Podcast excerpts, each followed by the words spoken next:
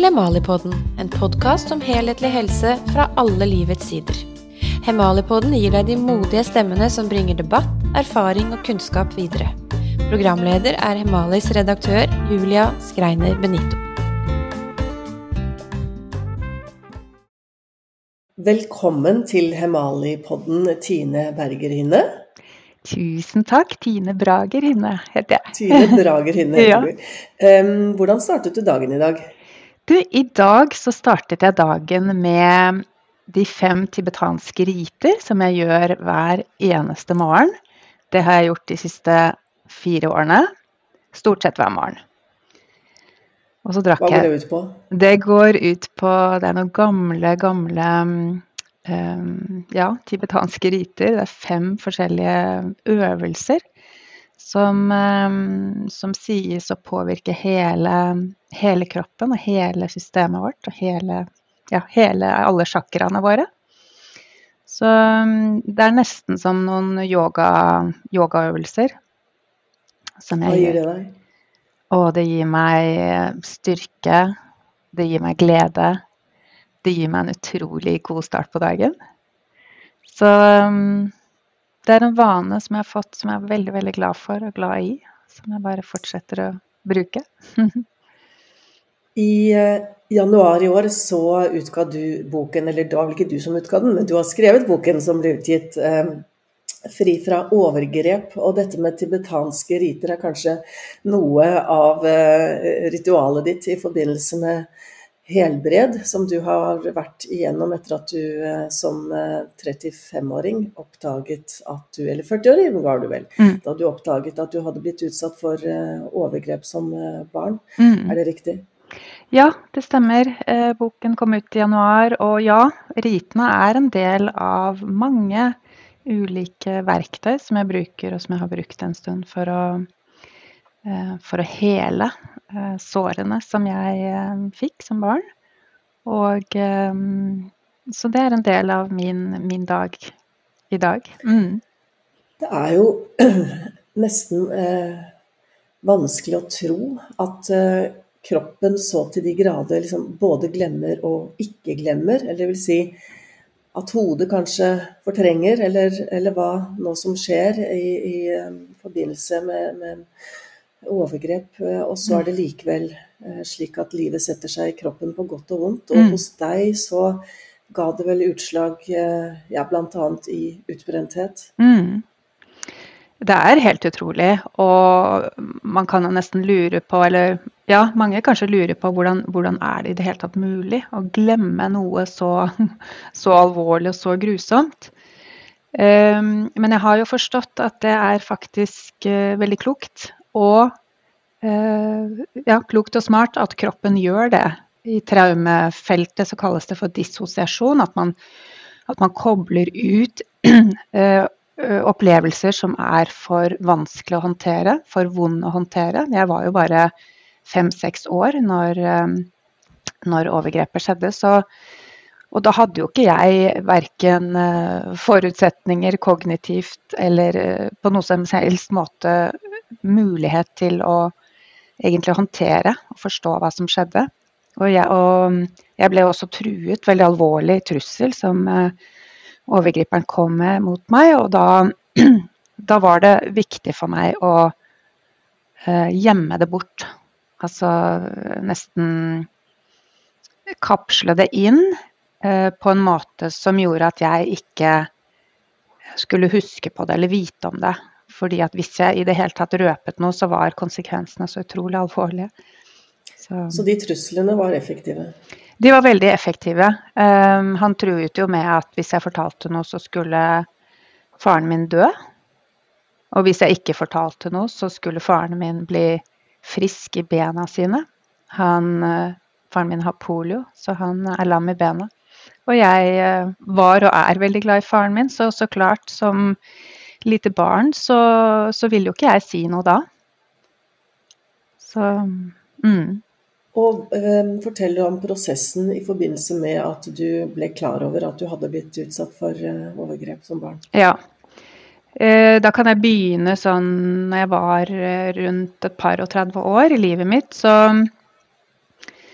så opplevde jeg Altså, jeg hadde det jo tilsynelatende veldig bra. Jeg hadde jo eh, en mann, og jeg hadde to nydelige døtre, og jeg hadde jobb, og jeg hadde, hadde på en måte alt som, som, eh, som, vi tenker er fint å ha i dag, da.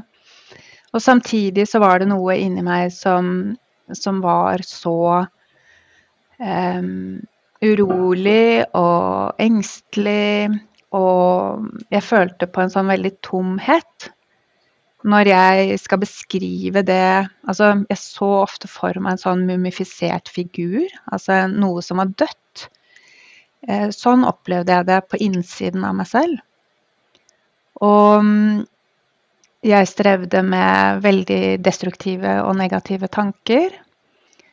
Og det var et veldig sånn kaotisk følelsesmessig liv innvendig. Og jeg visste på en måte ikke helt hva jeg skulle gjøre med alt det der. Jeg, jeg skjønte bare at, at jeg var kommet til et punkt i livet hvor jeg trengte hjelp. Og så klarte jeg ikke helt å forstå eller vite hva, hvor jeg skulle gå for å få den hjelpen.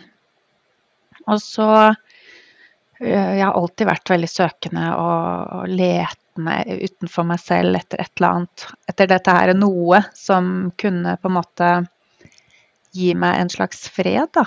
Jeg lengtet etter en sånn indre fred som jeg, som jeg ikke hadde. Så jeg leste om Rosen-metoden i en bok. Og um, det som sto der, det traff meg veldig, for det sto Husker jeg ikke akkurat ordet, men det sto et eller annet om at kroppen kroppen husker alt, og kroppen bærer på alle minner som vi har, um, som vi har erfart. Og um, så jeg forsto da at det var noe med kroppen som jeg trengte å, å komme i kontakt med. Fordi at jeg hadde ikke noe kontakt med kroppen eller pusten. Jeg var veldig distansert fra, fra min egen kropp. Så da oppsøkte du en eh, rosenterapeut? Det gjorde jeg. Mm. Og hva var det som da skjedde som gjorde at du ble klar over uh, bakenforliggende årsak til uh, dine, din uro og dine plager? Det som skjedde, var jo at jeg over ganske lang tid, først i rosenterapi, kunne komme um, til en slags kontakt med kroppen igjen. Jeg kunne kjenne, begynne å kjenne bena fra å ikke ha kontakt. Så sakte, men sikkert over lang tid så var det akkurat som det var trygt å komme i kontakt med min egen kropp igjen. Og, For den hadde du stengt av? Mm, den hadde jeg stengt av. Det, det, visste jeg jo ikke før jeg kom i rosenterapi, men, men jeg skjønte det litt etter litt. Da, da, terapeuten berørte bena mine til å begynne med, så kunne jeg jo ikke kjenne, kjenne hendene hennes. Men etter hvert så, så, det, så oppsto det en trygghet i meg selv, men også med den terapeuten som jeg gikk hos. For hun var um, veldig erfaren og hadde så nok mer i meg enn jeg så selv. Så den tryggheten som ble etablert mellom oss, den var med på å gjøre det trygt for meg og også gå mer inn i min egen kropp. Så etter flere år i, i rosenterapi så var det en dag jeg lå på benken, og det er jo en sånn Vi ligger på en, en sånn massasjebenk, og så behandlet hun uh, kroppen min. Og jeg kan ikke huske akkurat hvor hun var på kroppen min, men det som jeg husker, var jo at minner fra overgrepet kom opp. Det var akkurat som jeg så alt i en film inni meg. Jeg så hvem det var, jeg så hvor gammel jeg var. Jeg hørte hva han sa, og jeg kjente i kroppen min at herlighet, dette her har jeg jo virkelig opplevd. Det er sant. Det er jo ikke noe som jeg kunne ha funnet på, fordi at det var så kraftige reaksjoner i kroppen min, da. Um, som jo da førte til at uh, jeg fikk jo et lite sjokk, vil jeg tro. Uh, fordi at jeg hadde jo ikke Da var jeg 40 år når det her kom opp. Jeg hadde virkelig ikke noen fornemmelse om at jeg kunne ha vært utsatt for overgrep. Så, så, det var et sjokk for meg å få opp dette her og, og, få, og, se for meg hun lille jenta som jeg da var, hun maktesløse jenta som, som ble holdt, ikke sant, og, og, og ikke kunne rømme noe sted. Um, og samtidig så ikke akkurat da, men i ettertid så har det jo også gitt veldig stor forståelse da, for hvordan jeg har hatt det tidligere i livet mitt. Den uroen og den angsten og den, de destruktive tankene. Følelsen av å ikke være bra nok, verdifull. Eh, så det var noen brikker også som falt på plass etter hvert eh, etter den oppdagelsen, da.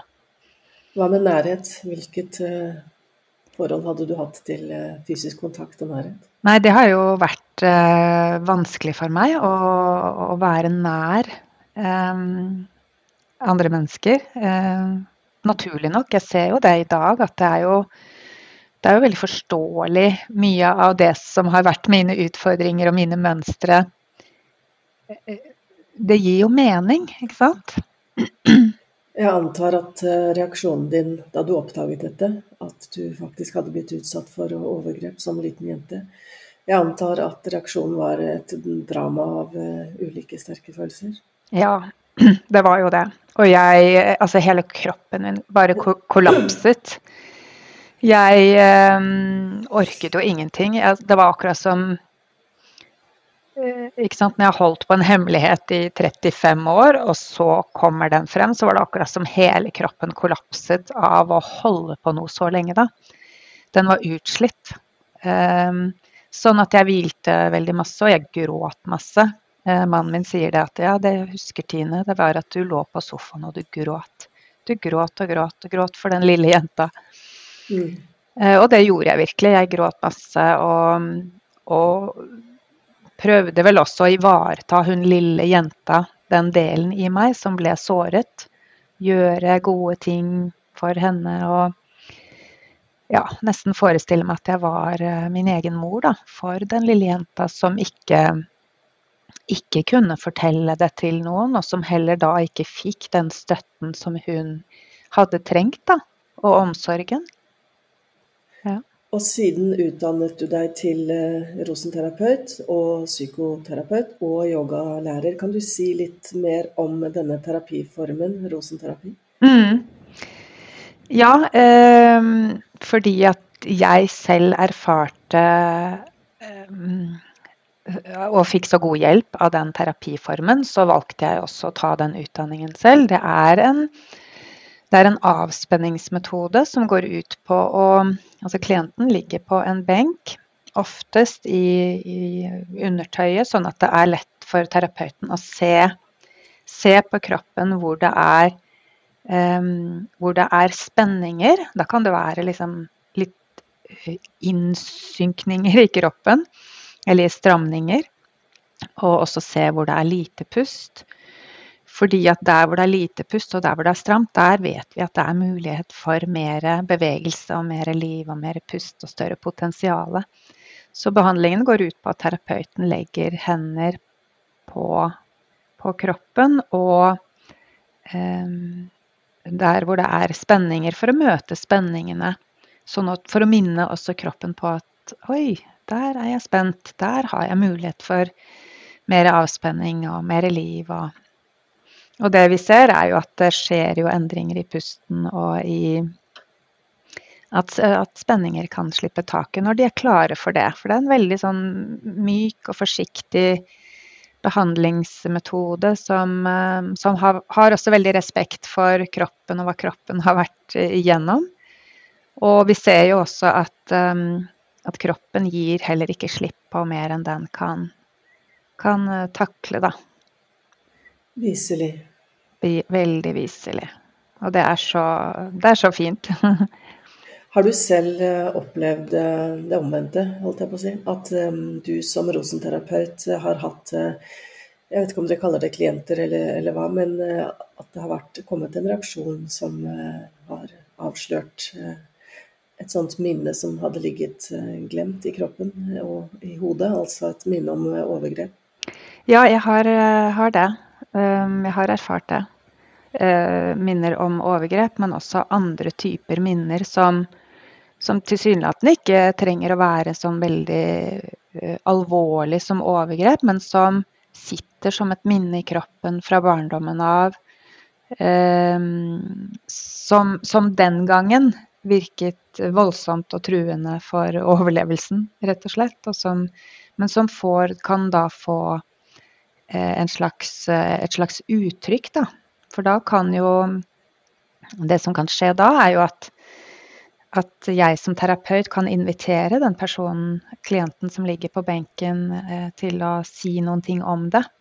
Og det å uttrykke det både med ord, men også kroppslig, kan være veldig forløsende og gi en større frihet, da. Men er det alltid lurt å rive i uh, vonde minner som uh, systemet vårt har lagt uh, et lokk over? Nei, det tror jeg ikke, og jeg tror ikke det er alle som trenger det heller. Um, men det som, det som, jeg tror er lurt, er jo å, å skape en kontakt med sin egen kropp. Eh, og så tror jeg ikke det er alle som trenger å gå veldig detaljert inn eller få opp minnene fra, fra traumer, men, men, noen gjør det. Og i mitt tilfelle og i, i andres tilfelle så, så, kan det være viktig. Mm. Hvordan har livet ditt endret seg etter disse oppdagelsene? Jeg vil jo si at, um, at jeg um, nesten har fått et helt nytt liv. Ehm, jeg har, ehm, jeg har jo måttet bruke lang tid selvfølgelig på å lære meg selv å kjenne igjen. Finne ut ehm, om mine egne behov og sette grenser for meg selv og for andre. Og, og også kjenne på følelsene som er, fordi følelsene også var jo eh, trykket ned. Og, og jeg var jo redd for følelser. I hvert fall følelser som ja, sinne og og angst og redsel. Um, så jeg har jo lært veldig mye om kroppen og om følelser, om tanker. Og, og um, lever jo et, uh, et, veldig rikt liv i dag hvor jeg kan uh, anerkjenne og akseptere det som ja, i hvert fall anerkjenne det som har skjedd og det som uh, ble gjort mot meg, men, men også kunne se videre og at jeg også selv har tatt det ansvaret da, for å gå disse små, små stegene som jeg har gjort over lang tid, og, og ser at alle de stegene har hjulpet meg da, til, å, til å bli um, friere og til å ta tilbake min kraft, som ble da tatt fra meg den gangen. Og til å finne og styre mitt eget liv. Har du inntrykk av at din erfaring um, er typisk for mennesker som har opplevd eh, overgrep i barndommen. Dette med fortrengingen og dette med ja, en evig uro, spenninger, eh, depresjon, hva det nå måtte være. Jeg har det, for jeg har jo snakket med veldig, veldig mange andre, særlig kvinner, da, som har opplevd overgrep, som forteller om lignende eh, erfaringer, og som også forteller det når de har lest boken min. At det det var jo som å lese om meg selv. Hva er det flere som har sagt? Så uh, mange av de kvinnene som jeg har snakket med, har fått opp minnene i godt voksen alder. Uh, og det har jo egentlig eh, både overrasket meg litt, men også bekreftet at ja, men kroppen er så klok at den er nødt til å gjøre det. Vi har ikke noe valg når vi opplever noe så voldsomt og, um, som overgrep. Så at vi er nødt til å pakke det bort. Mm. Og omfanget av eh, overgrep det er eh, sikkert eh, umulig å komme fram til helt klare, spesifikke tall. Men en antydning er at ett av fem barn opplever overgrep, og kvinner opplever overgrep i barndommen. Mm. Og én av 13 menn, hvis ikke jeg husker helt feil. Mm. Og likevel så er dette fortsatt et, et tabuområde. Hvorfor mm. er det det? Ja, og det er jo det derfor også jeg både har skrevet boken og ønsker å snakke om det. Fordi at det er fremdeles et stort tabuområde i vår kultur og i vårt samfunn. Så, og da tenker jeg jo at når vi ikke våger å snakke om det, men da kan jo overgrep også få mulighet til å fortsette. Men når vi våger å, å snakke om det og belyse det også, så, um, så, tror jeg at det kan være med å forebygge at overgrep skjer. En annen ting er jo at det er veldig gode uh, grunner for at vi som har vært utsatt for overgrep, ikke våger å si det. ikke sant? Det, det tar gjennomsnittlig 17,5 år før, før, vi våger å fortelle om det. Og det, det, ene er jo det som jeg opplevde, den trusselen. ikke sant? At at uh, den trusselen var så alvorlig at jeg var nødt til å gjemme det. Uh, pakke det bort og gjemme det, fortrenge det. Uh, det er jo én årsak, men det finnes jo andre årsaker også som Hvis det er overgrep som skjer i, innad i en familie, så er det jo der barna er og er nødt til å være for å klare seg. Så du er jo i et avhengighetsforhold av de rundt deg. Det kan jo gjøre det veldig, veldig vanskelig å og så kan det være vanskelig, barn forstår jo ikke, har jo ikke de kognitive ressursene og forstår jo heller ikke hva som, hva som skjer. Og vet kanskje at ja, det er noe som er ekkelt og ubehagelig, men vet jo ikke hva det er eller hva de skal gjøre med det. Men jeg antar at eh, skam også kan være en forklaring på at eh, mange eh, ikke snakker om dette. Ja. Jeg kom til å tenke på eh, Tor Erling Staff, eh, advokaten, mm. eh, markant advokat, som i mediene fortalte at hans første opplevelse med seksuell omgang, det var med en, en vesentlig eldre mann. Mm. Og han Staff selv var en tolv år, så vidt jeg husker.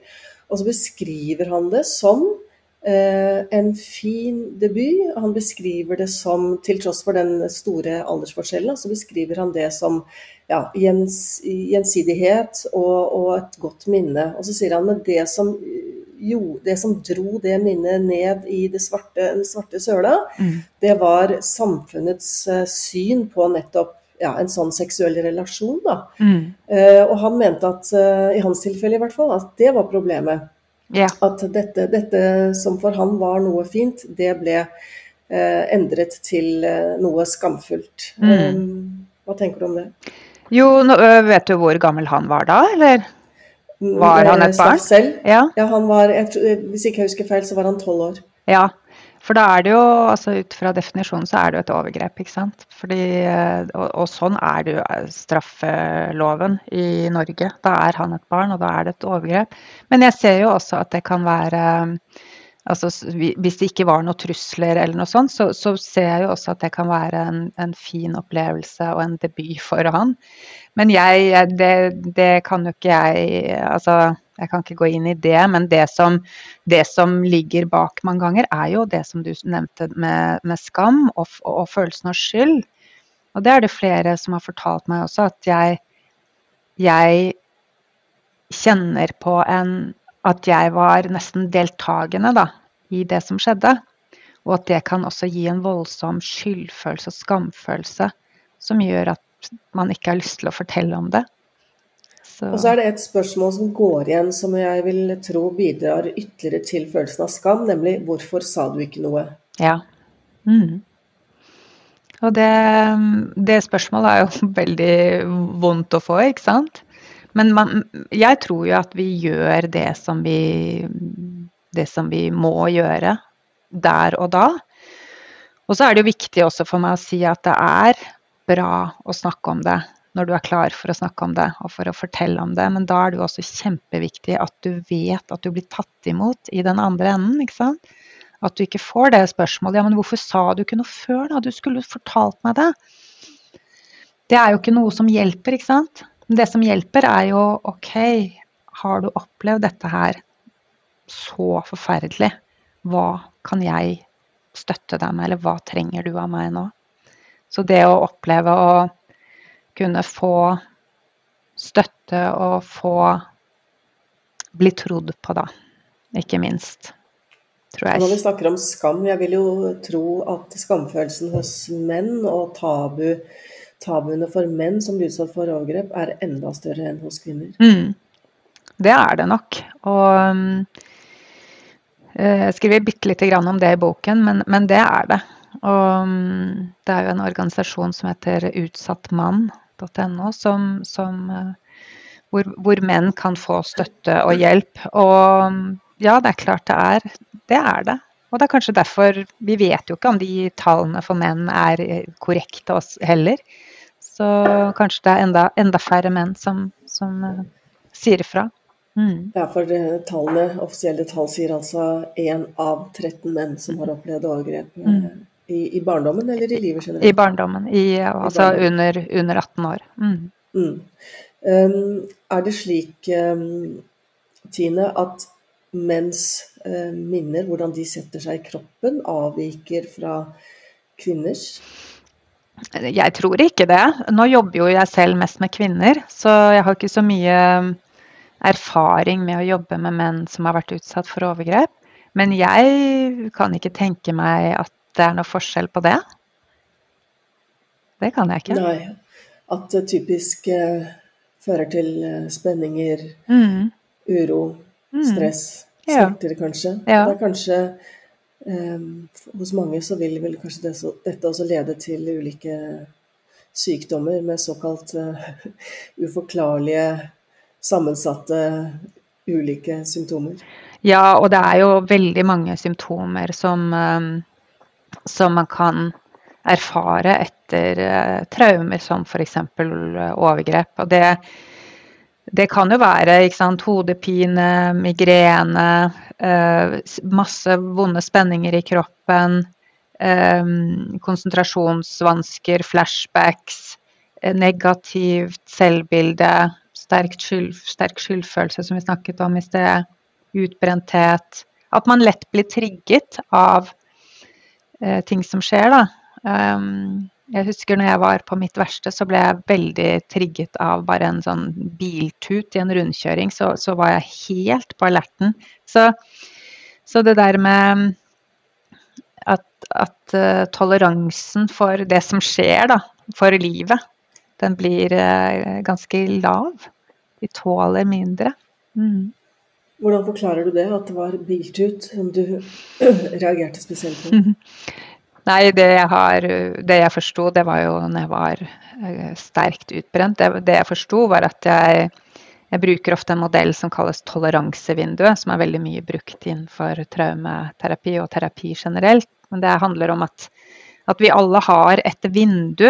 Innenfor dette vinduet så, så kan vi tåle det som skjer rundt oss. Vi kan være glad, vi kan være lei oss, og vi kan relatere oss til andre mennesker, og vi kan lære. Og så, um, så kan man se for seg en sånn bølgete strek innenfor dette vinduet, og så plutselig så skjer det et eller annet utenfor oss som gjør at denne streken som på en måte er, er oss, da, den går over vinduet. Da er vi over vårt eget toleransevindu og blir stresset og, og kjenner på alle disse stressreaksjonene som hjertebank og at vi begynner å svette litt, og at hjernen, tankene, de logiske tankene våre kobles ut, og at vi blir engstelige. Så, så mm, eh, det, som, det som var, var at mitt toleransevindu var veldig, veldig smalt. Um, sånn at disse Det skulle veldig lite til før jeg kom over, over mitt eget toleransevindu. Og den tuten, det var jo um, en representasjon av noe, noe som skremte meg bare. Jeg var jo lett, veldig lettskremt. som, som gjorde at jeg gikk over det vinduet mitt, da. Så i, i terapi så jobber vi jo med å forstørre dette vinduet, ikke sant. Øke det med ulike verktøy som pust og skape trygghet i oss selv og jorde oss og yoga og alt hva det kan være. Og så, så kan vi også lære hva disse triggerne er. Hva er det som gjør før jeg går over mitt eget toleransevindu og kjenner på uro? Hva, hva skjedde akkurat da? Nå tåler du trafikken godt. Ja, jeg syns jeg gjør det i hvert fall mye bedre. Eh, Jeg lurer på, Tine, du snakket om at du, noe av det første du gjorde da du innså at du hadde blitt utsatt for overgrep som fem-seksåring, det var at du prøvde å ivareta denne, dette lille barnet, Tine. Mm. Hva, hva, hva sier du til henne? Det, det skjer kanskje fortsatt, at du snakker med det lille barnet. Hva sier du? Hva gjør du? Mm, ja. Det er kjempeviktig for meg å ha kontakt med hun lille, lille Tine, hun sårede inni meg. Og som vi alle har jo disse delene. Så det jeg gjør, er at jeg, sant, når det kommer Når jeg plutselig kjenner at jeg eh, blir redd, f.eks., for, eksempel, for det skjer jo. Det skjer jo ofte. Fremdeles. Men i dag så vet jeg litt mer om hva jeg kan gjøre. Så det jeg kan si til henne, er at oi, ja Tine, nå, nå ble du redd. Um, og den følelsen, den, den er nok veldig gammel. Um, hva er det du trenger nå for å bli trygg. Hva kan jeg gjøre for deg? Og da kan det jo være, ikke sant Det kan være veldig mye forskjellig, men det kan være f.eks. å gå en liten tur, eller å bare sitte og vugge litt, eller forestille meg at jeg holder henne på fanget, holder henne inntil meg, klapper henne litt på håret eller på skulderen. Altså det vi, det vi gjør med små barn når de er redde og trygge, det vi faktisk gjør, vugge dem litt og kose med dem og mm. Har du inntrykk av, eh, uten at du nødvendigvis er spesialist på dette feltet, men har du inntrykk av at dette med um, i hvilken grad overgrep, uh, seksuelle overgrep er skambelagt, at det har også en sånn kulturell dimensjon? F.eks. kan det være forskjell på hvordan uh, dette blir betraktet i Vesten kontra i afrikanske land? Ja, jeg tror jo at det har det. Um, og, og, det ser vi jo også uh, Altså, nei, det er ikke mitt spesialfelt, men, men, jeg tror det er kulturelle store forskjeller her. Det tror jeg. Uten at jeg helt våger å gå, gå, gå inn på det feltet. Um, og jeg syns akkurat det punktet der er interessant, uh, jf. det som uh, han Tor Erling Staff snakket om da, for mange år siden. Mm, ja. Nemlig dette med én ting er dine egne opplevelser, mm. og en mm. annen ting er samfunnets syn på det. Og dess mm. mer, ja, dess mer skam altså, Og det er jo det er en sånn fin overgang der, fordi mm. skammen kommer jo fordi dette er noe vi fordømmer, og det skal vi selvfølgelig fordømme, mm. men at samtidig den derre skamdimensjonen også kan eh, bidra til ytterligere skam og ytterligere tabu og ytterligere taushet. Mm.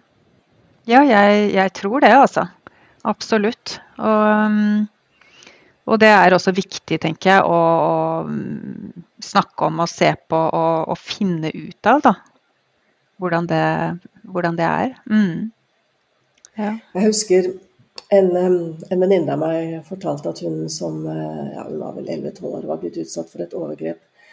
Um, og hun forsto ikke der og da at dette faktisk var et overgrep. ikke sant? Det er jo ulike, uh, ulike ord uh, som uh, blir brukt for Som skaper forvirring. Og det er jo kanskje veldig veldig vanskelig for et barn å sette ord, ikke sant? forstå at dette er faktisk et overgrep. Det er ikke det som denne overgriperen sier at det er.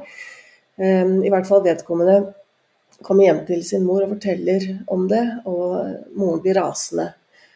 For så dum du var. Hvordan kunne du, hvordan kunne du bli med i, bilen til denne mannen? Hvordan kunne du tro på osv. osv. Mm. Eh, jeg håper ikke at det er en vanlig reaksjon i disse dager. Vi vet vel mer nå, forhåpentligvis. Men det, dette er kanskje også et eksempel da, på hvordan, hvordan skammen tar overhånd. Mm. Ja, og jeg tenker det er, det er, ikke helt sikkert at det er uvanlig i dag heller. Uh, men det som, det som, jeg håper, er jo at vi, vi kan snakke mer om det. Og, og, at foreldre i dag vet, vet, mer om hva som er et overgrep og ikke, og at det er, det er straffbart. Sånn at skylden heller og sinnet heller må gå til den overgriperen, ikke sant enn til eh, datteren som har blitt med, da. For hun ble jo antageligvis lurt med et eller annet som, eh, som hun kanskje hadde lyst på. For det er jo det overgripere gjør. De bruker jo veldig mange ulike maktmidler for å lure og lokke.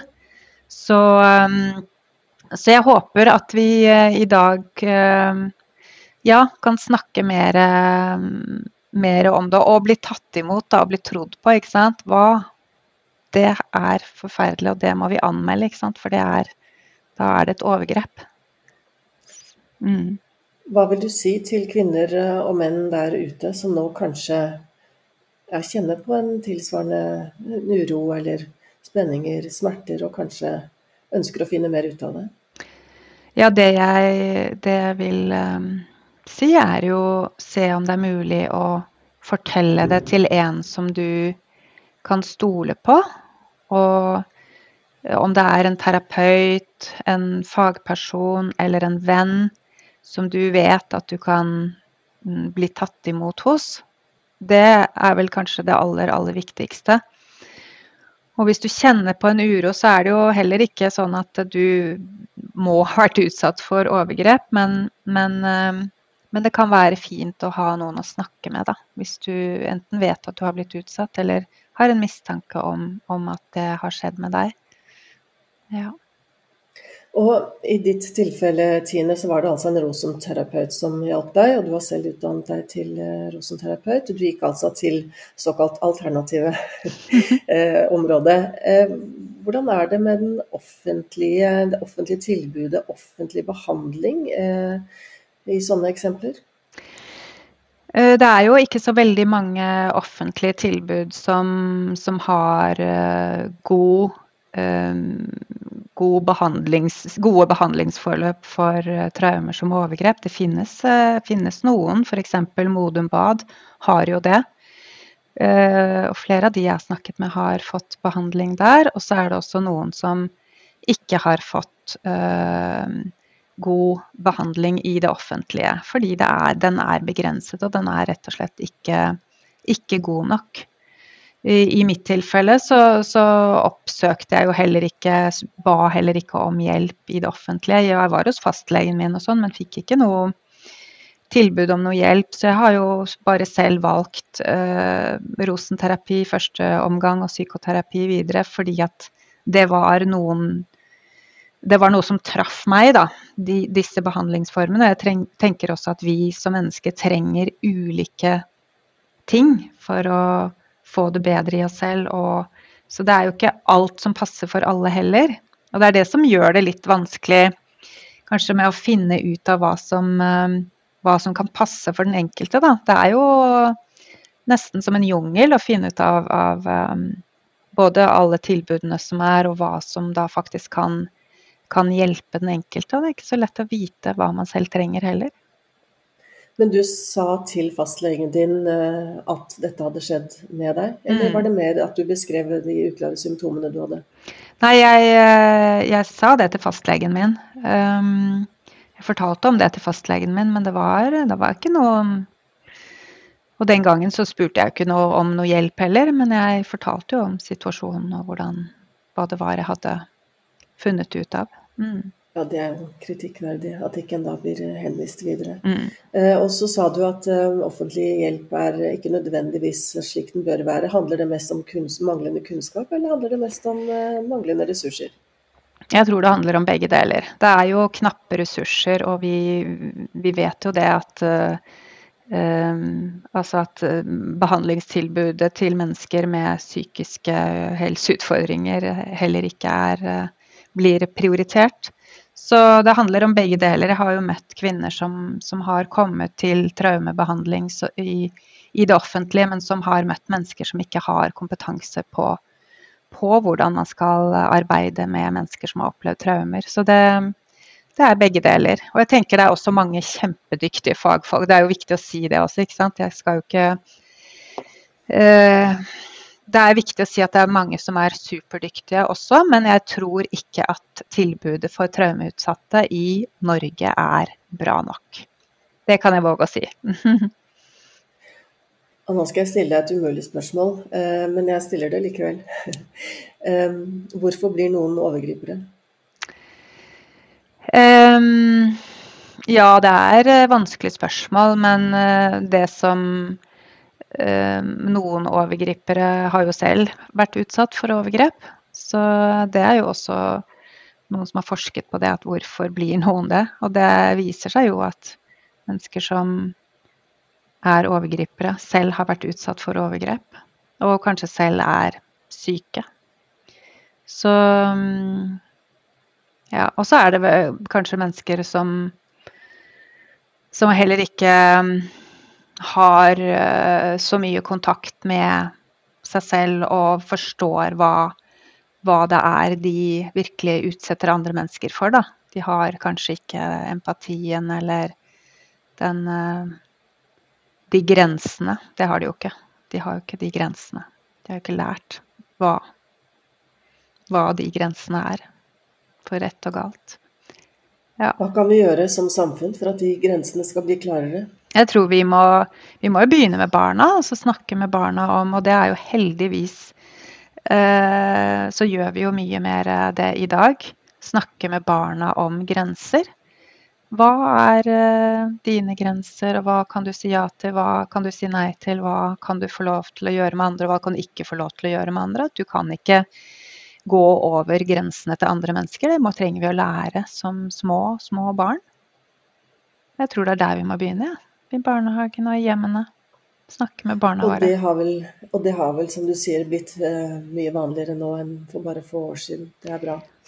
Ja, det er veldig bra. Snakke om, snakk om, kropp, snakke om grenser, som du sier. Snakke om at din kropp er bare din, osv. Mm. Jeg har, uh, har, et barnebarn som nå Jesper, han er nå seks, og han jeg, husker, jeg ble veldig glad når han Jeg tror ikke han var mer enn tre år, når han sa at ikke, ikke rør kroppen min, den er min. Jeg har, jeg har, et barnebarn på to år, og jeg, jeg, har allerede begynt å si det til henne. Ja. Kroppen din er bare din, ja. og ingen skal få gjøre noe med den som ikke du syns er ok. Nei, og det er så viktig. Så jeg håper virkelig det at vi er mye mer åpne rundt det med kropp og grenser og hva, hva du kan si ja til og hva du kan si nei til. At de grensene der er hjelper barna når de kommer, når de blir større, da. Eller i hele livet. Mm. Jeg tror det. Til slutt, eh, Tine, så stiller jeg deg et spørsmål som vi stiller til alle våre mm, gjester i Hemalipodden. Eh, nemlig det ene enkeltgrepet som du gjør for helsa, som du har eh, stor tro på. Det som dukker opp hos meg når du stiller det spørsmålet, er jo det med å snakke pent til meg selv. Si Altså når disse destruktive tankene kommer, så, så prøver jeg å, å, si ja, men Tine, det, nå kom de tankene igjen. Det er greit, men du er bra nok akkurat som du er. Og ja, prøve å si gode ting til meg selv hver dag. da syns jeg vi skal ta med oss det ikke bare videre inn i dagen, men videre inn i alle dager som kommer. Eh, tusen takk, eh, Tine, for at du var med i Hemalipodden, og jeg ønsker deg alt godt framover. Tusen, tusen takk, Julia, for at jeg fikk lov til å være med. Og takk for den viktige, viktige podden og viktige arbeidet som du og dere gjør. Tusen takk.